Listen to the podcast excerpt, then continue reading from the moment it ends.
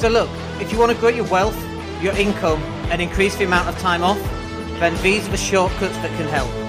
Welcome to the Wealth Creation Podcast.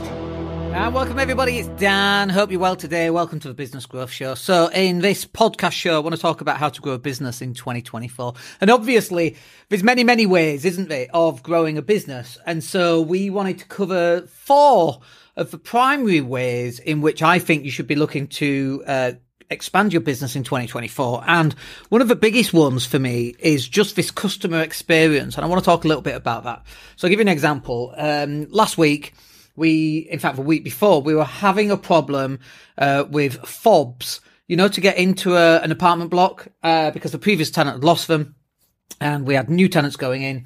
And so I messaged the management company and after eight days, nobody had actually replied to me. We sent a message every single day.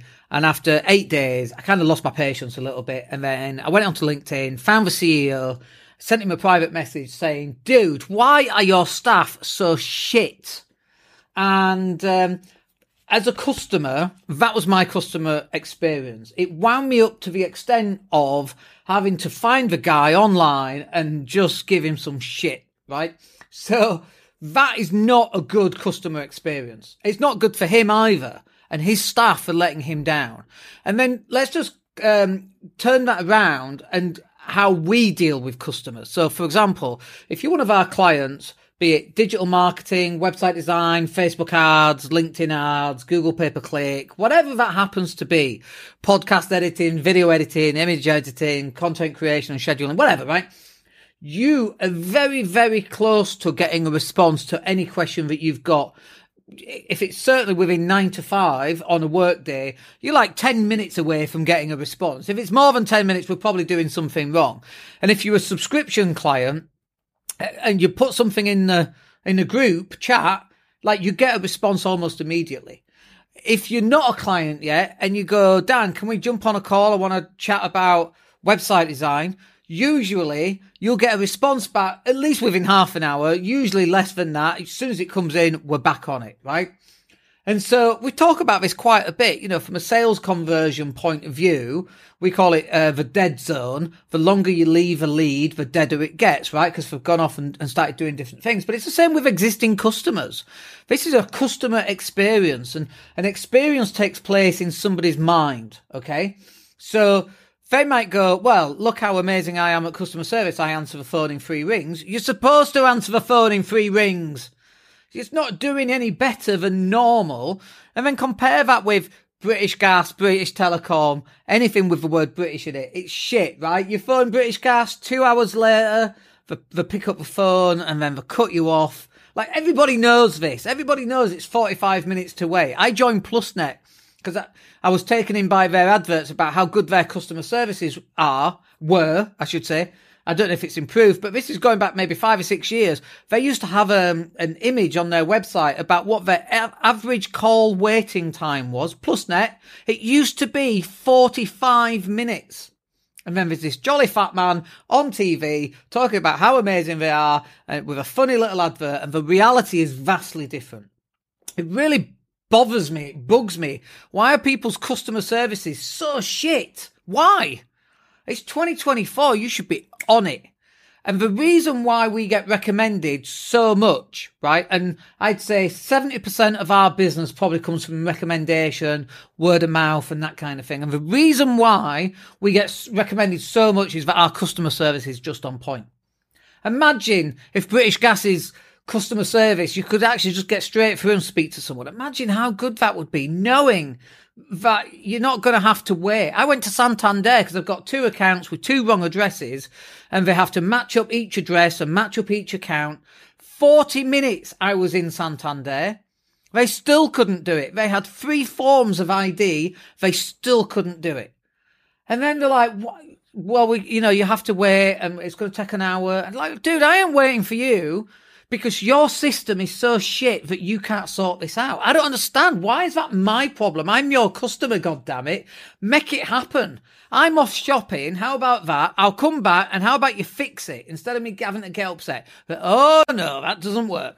Now look, you might not think that your customer service is that bad. We don't think it's that bad. Your customers will tell you if your customer service is bad, and we want our customers to tell us if our if our customer service is bad. That experience that they have, we don't want them to think, "Oh, we're going to use Dan, but oh, he probably won't give us a message back." No, no, you get a message back immediately. As soon as I see it, you'll get a message back. Very, very rare do you not get some f- kind of feedback, some friendly joke, whatever that might be. It might be a shit joke, but it'll be a friendly joke, right? We're not comedians, uh, so that's the customer experience. And if you can improve your customer experience, your business will do much better in 2024 because you're going to start knocking out your competitors whose customer experience is, is bad. And I spend time thinking about customer experience. We've just, for example, um, added a, a, a, web design manager for our web design um, department. And we just had our first call with him on it with one of our clients that we're coming to the end on a website design. And it's wonderful because normally it's me and I'm able to pass it over to him and his customer service is on point, right? He came up with ideas during the call. We left the call. I can see all those ideas going over to our web design team. They're all going to get implemented and then we can review the implementation tomorrow, go back to the customer, get any final adjustments, go back to the implementation team. They'll get implemented. Wonderful. It's exactly how it should work. And so we're constantly spending time looking at what can we do to improve our level of customer service? And it's so important to me. Um, and it, it bug, bugs me, it bothers me, it winds me up when I see other people's customer service just being utterly shit and so much contempt for their customers. Uh, I just don't, I just don't get it, right? I just don't get it. Uh, the next thing that I think you can do to grow your business in 2024 is an increase in the level and the amount and the consistency of your authentic marketing. And what I mean by authentic marketing is this, right? Me and you sat here. You're either going to watch this uh, as a live stream, you're going to listen to the podcast, you're going to watch one of the shorts. This is authentic marketing, right? You get down. This is who I am. This is what I look like. This is what I sound like.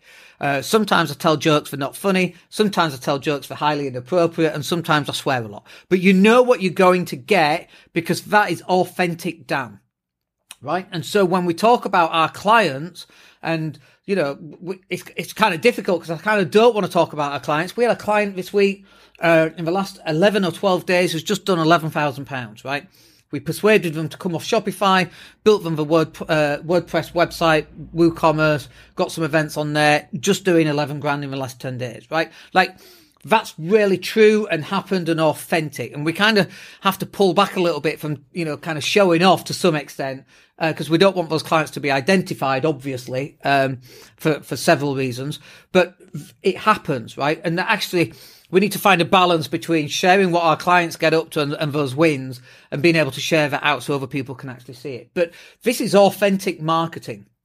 Even getting people on, uh, on board. So, for example, um, our clients have an interview once a month with our interviewer Dave to talk about their business, right? So it's a two talking heads type interview. We pull that out as a live stream. We pull out the podcast, we pull out the shorts, and then we schedule those to go out across social media. And we know that they work. And so that's a level of authentic marketing that you get when you sign up with us that we know other people don't do because it's really difficult to do, by the way you've got to get someone um, uh, allocated to it. You've got to pay them. You've got to uh, motivate them as well because you have to motivate all staff at all times. Not everybody's motivated as I am because they don't own the business and so on. But then that ties into the customer experience. Now our clients are getting this authentic marketing provided to them on a silver platter. It's dead easy. All they've got to do is show up and talk bollocks for 45 minutes about the business and what's going on and how they've helped and who they've helped and what problems they've solved for customers. Really easy to do, right? And now they end up with 10 to 20 short videos all very authentic marketing. They end up with a live stream, they end up with a podcast, and then we're able to distribute that out and drive traffic back to the website. That is what authentic marketing is going to do for you.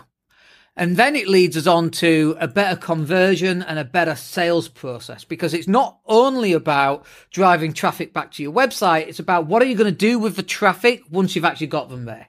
What do you want them to do? Where do you want them to go? Uh, what action would you like them to take next?